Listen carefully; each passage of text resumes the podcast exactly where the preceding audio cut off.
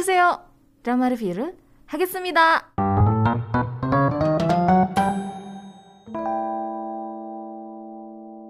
Oke, di segmen ini aku mau bahas satu buah dokumenter ya yang dirilis sama Netflix di tanggal 18 Mei 2022. Jadi Netflix ini merilis Cyber Hell Exposing an Internet Horror yang diadaptasi dari kasus Ant Room di Korea Selatan. Ini satu kasus yang rame banget uh, karena nggak cuman di Korea aja gitu, tapi kayak terjadi juga di seluruh dunia bahkan di Indonesia.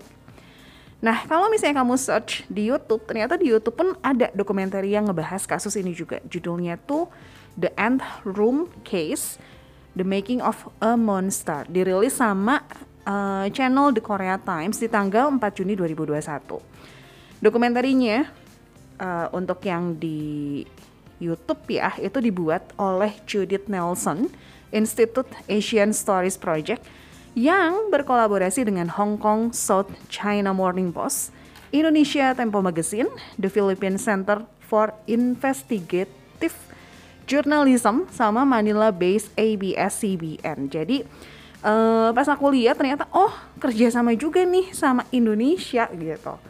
Dikerjakan selama kurang lebih tujuh bulan untuk yang di YouTube ya. Dokumenter yang di YouTube ini ngebahas kasus dari End Room tapi dari sudut pandang korban. Terus ngebahas juga beberapa kasus yang mirip dengan yang terjadi di negara lain gitu selain di Korea. Yang seperti aku bilang gitu. Kalau ternyata kasus ini juga terjadi nggak cuma di Korea aja. Di Hong Kong itu juga terjadi kasus yang sama dan di Indonesia pun aku yakin ada sih gitu. Cuman mungkin belum belum atau nggak nggak ke up gitu. Cuman ada gitu. Nah, uh, untuk yang di Netflix ya, yang tadi judulnya uh, Cyber Hell Exposing an Internet Horror itu didirect sama Choi Jin Sung.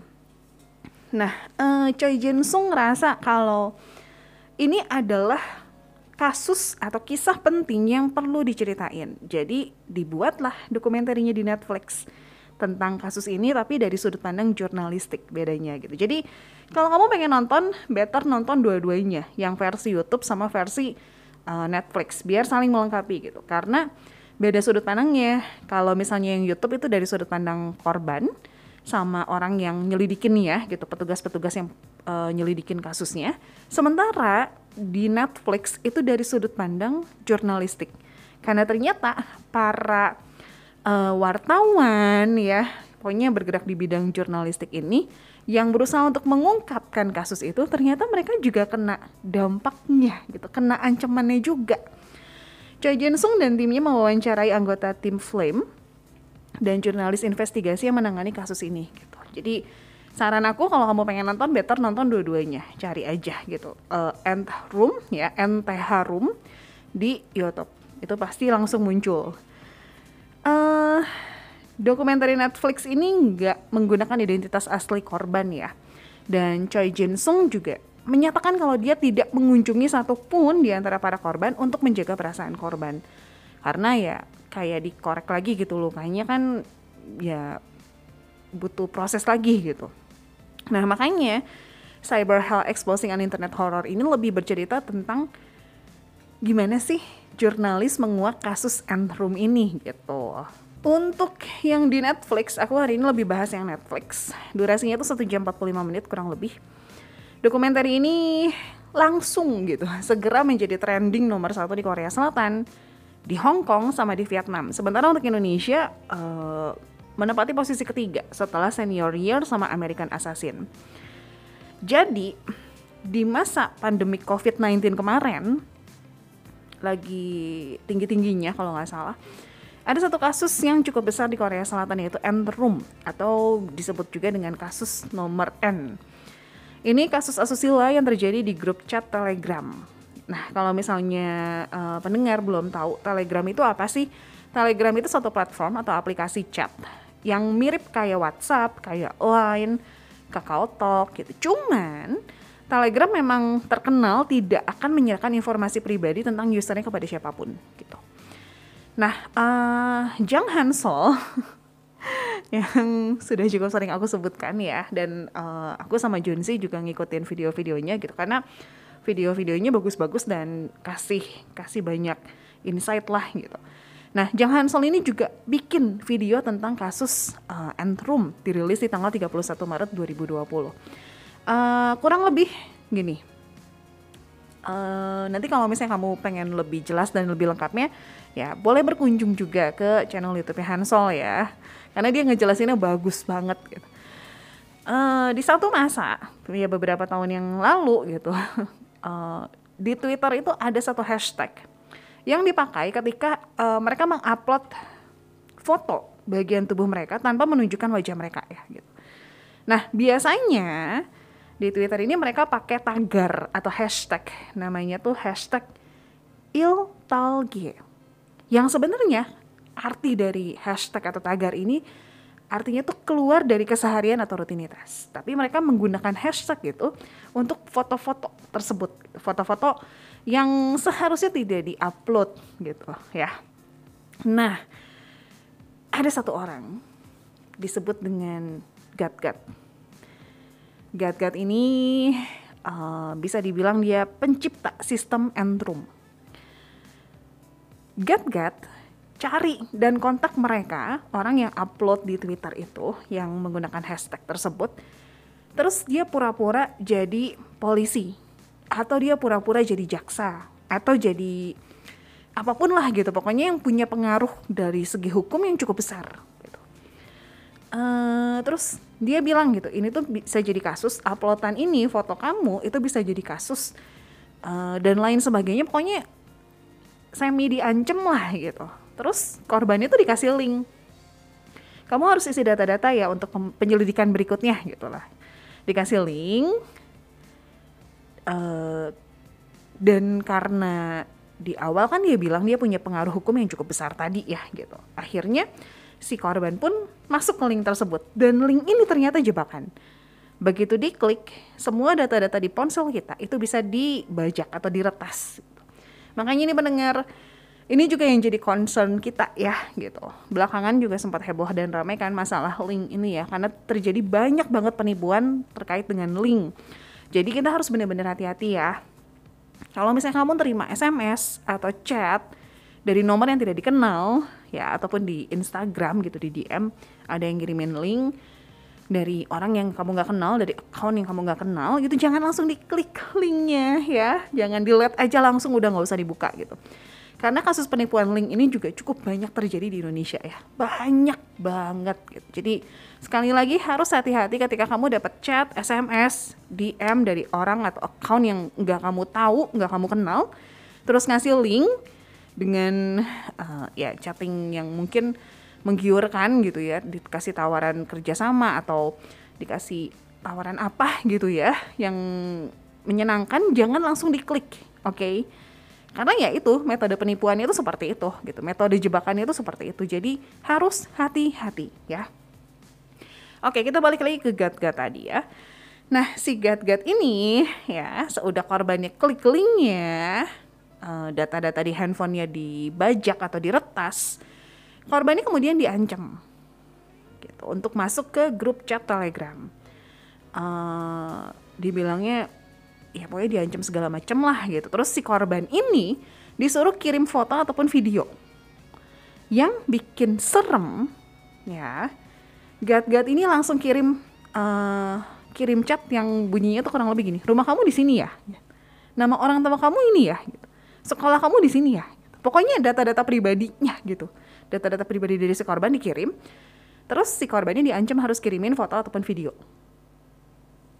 Nah, itu yang bikin serem. Terus Gat-Gat ini jadi admin lah bisa dibilang dari beberapa grup Telegram.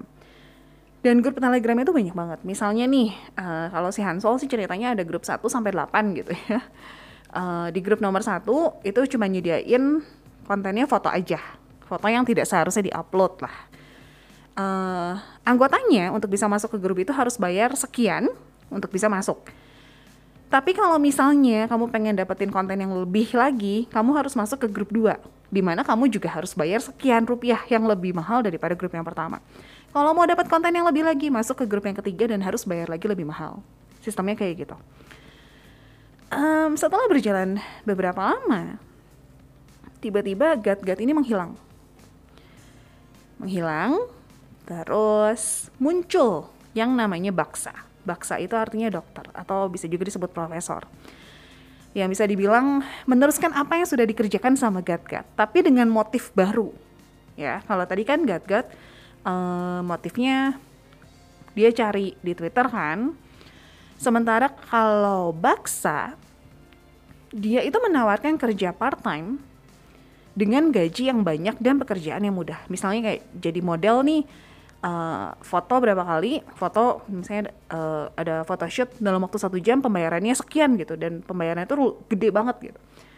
Tawaran yang sangat menggiurkan buat orang-orang yang memang membutuhkan uang gitu. Part time kerjanya nggak lama dan terbilang mudah, bayarannya cukup tinggi gitu. Oke, okay, karena motifnya part time, kerja part time ya, pasti kan kita diminta data-data dong, ya nggak? Uh, ya nama gitu, alamat tempat tinggal, terus kalau misalnya di Korea tuh sama uh, buku tabungan gitu.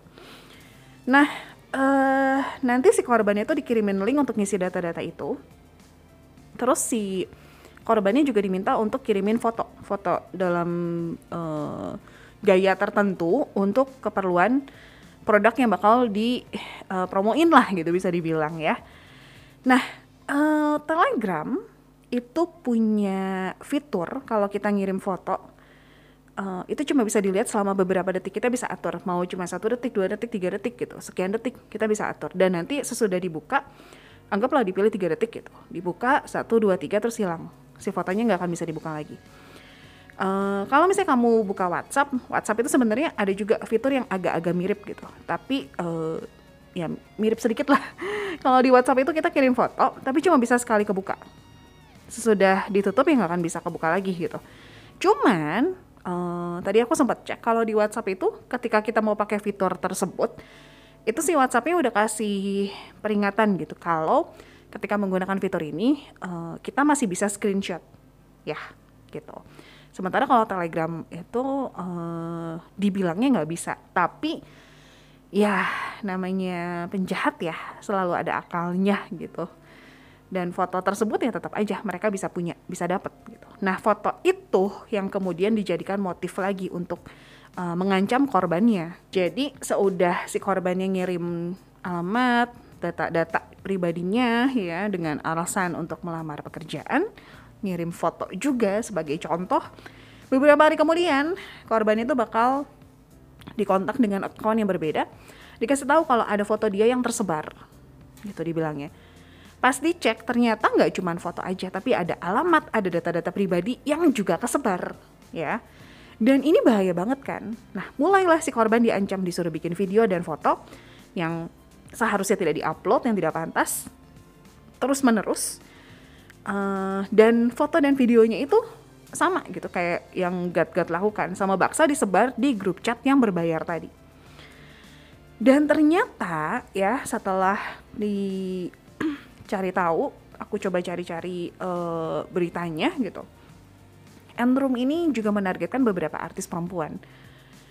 Ada Shin Sekyung, Bomi Aping sama Jisoo Blackpink Choi Joo-bin yang menjadi dalang di balik kasus uh, hidden kamera yang menimpa Shin Se-kyung dan Bomi pada September 2018. Uh, pada saat itu keduanya lagi syuting drama Pocha Beyond Borders dan waktu lagi proses syuting itu mereka menemukan ada kamera tersembunyi di charger kamar hotel. Ya.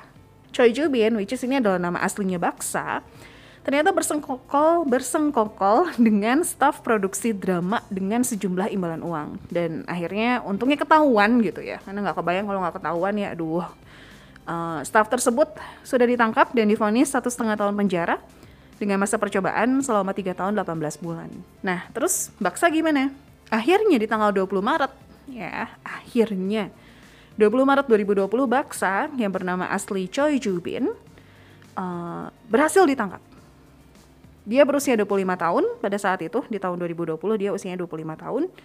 Dia seorang lulusan kampus teknik INHA. Uh, terus yang jadi pertanyaan kok bisa ketangkep sih? Jadi gini, setelah Gat-Gat hilang, ya tadi kan di awal tuh Gat-Gat sempat uh, muncul berulah terus dia hilang tiba-tiba kan nah abis Gat-Gat hilang itu ada satu orang namanya Watchman yang merupakan kaki tangannya Gat-Gat ketangkep nah Watchman ini yang memberikan informasi tentang Baksa Baksa difonis hukuman 42 tahun penjara pada bulan Oktober 2021 dan uh, di dokumentarinya juga ada cuplikannya waktu konferensi pers penangkapan Baksa. Baksa bilang terima kasih telah mengakhiri kehidupan iblis yang tidak bisa kuhentikan. Cuman ya para korban tidak mendapat permintaan maaf dari pelaku. Dan dari apa yang dia bilang pas konferensi pers itu kelihat kayak dia lebih mau menyombongkan apa yang sudah dia lakuin itu hebat gitu daripada menyesal karena kayak nggak ada penyesalan sama sekali gitu uh, ya di awal kan aku ceritain ya kalau yang pertama kali bikin sistem dari Antrum ini adalah GatGat. Nah, Baksa udah ketangkep, terus Watchman juga udah ketangkep. Sementara GatGat ini kan hilang, nggak tahu ke mana kan. Nah, 11 bulan setelah Baksa ketangkep, GatGat ini muncul. Kelihatannya dia kepancing ya dengan omongan Baksa di SBSY Story yang bilang kalau konten yang dibikin GatGat itu berkualitas rendah. Dia kayaknya kelihatannya kepancing dari situ uh, Gat-Gat kemudian ngontak produser acara itu dan dari situlah dimulai pencarian uh, Gat-Gat yang melibatkan tim pertas Red Team. Long story short, ketangkeplah Gat-Gat yang punya nama asli itu Moon Hyung Wook. Dia difonis 34 tahun penjara di bulan November 2021. Total ada 3.757 orang banyak banget loh ini yang terhubung dengan ruang obrolan Ant yang ditangkap. 245 dari mereka sudah dipenjara per Desember 2020. Seperti yang dibilang tadi ya, dokumenter Cyber Hell Exposing an Internet Horror ini diambil dari sudut pandang jurnalis. Setelah nonton dokumenter ini, jadi tahu gitu, kalau ternyata di kasus ini para jurnalis juga diancam, nggak cuma para korban aja. Jadi uh, beberapa jurnalis yang mencoba untuk up kasus ini mereka tuh diancam gitu kalau mereka bongkar atau nerbitin berita tentang baksa akan ada korban ya belum lagi data-data pribadi mereka juga kesebar. Data-data pribadi dari jurnalis ini juga bisa kesebar gitu. Jadi ini bukan kasus yang sederhana ini kasus yang rumit yang mungkin selama ini kita cuma tahu bagian permukaannya aja gitu. Makanya dibuatlah dokumenter ini supaya uh, kita jadi tahu lebih detail tentang kasus ini. Dan diharapkan ke depannya nggak ada lagi ya kejadian kayak gini gitu. Harus benar-benar hati-hati ya pendengar kalau kamu terima chat atau SMS yang ada linknya jangan sembarangan diklik ya. Sekali lagi harus hati-hati apalagi itu uh, nomornya agak aneh gitu ya. Kadang kita suka terima uh, chat kayak gitu kan, terus ada uh, harus benar-benar dicek lah dan jangan sembarang klik link, oke? Okay? Di bagian kredit dari dokumenter ini ada wawancara yang isinya tuh menarik banget. Dibilang kayak gini. Ini sama sekali bukan salah korban. Mereka ditipu secara sistematis, sehingga siapa pun akan menjadi korban jika berada dalam situasi yang serupa. Daripada bertanya, kenapa kamu melakukannya, kenapa kamu membahayakan diri sendiri, kita harus sadar kalau ini tuh bisa terjadi sama siapa pun ada banyak kasus ketika orang menjadi korban hanya karena berada di tempat dan waktu yang salah. Bagaimana para korban bisa diancam? Para korban sangat tahu bahwa mereka lah yang akan disalahkan kalau video semacam itu disebarkan. Mereka jadi mudah diancam karena rasa takut tersebut. Jadi, cara kita memandang korban itu juga memperkuat kejahatan tersebut. Video nggak akan dibuat dan nggak akan disebar kalau nggak ada yang menonton kalau nggak ada yang membuat atau menyebarkan video itu, nggak ada juga yang akan menonton. Jadi tindakan konsumsi dan produksi sangat berhubungan satu sama lain. Konsumsi dan produksi harus disingkirkan untuk pencegahan. Maka itu, film atau dokumenter ini uh, diharapkan bisa kasih edukasi sama kita semua gitu. Kejahatan seksual digital harus dianggap sebagai tindak pidana kolaboratif yang terjadi dalam suatu grup kejadian itu bisa terjadi kepada kita, makanya kita perlu kerjasama supaya kasus seperti Enrum dan Baksa ini tidak terulang lagi. Jangan sampai terulang lagi ya. Kasus seperti Enrum sampai saat ini masih merajalela secara global. Masih, masih ada. Video yang dibuat di sana juga masih dijual di seluruh dunia menggunakan aplikasi tertentu dan web gelap gitu ya. Dan um, di akhir dokumenter ini ada pesan kalau kamu atau kenalan kamu mengalami kekerasan seksual, Informasi dan dukungan tersedia di www.wannatalkaboutit.com. Jadi sekali lagi ya, kalau misalnya kamu dapat chat, DM atau SMS yang agak aneh gitu, terus ada linknya, jangan langsung diklik karena itu bahaya banget ya. Oke, okay.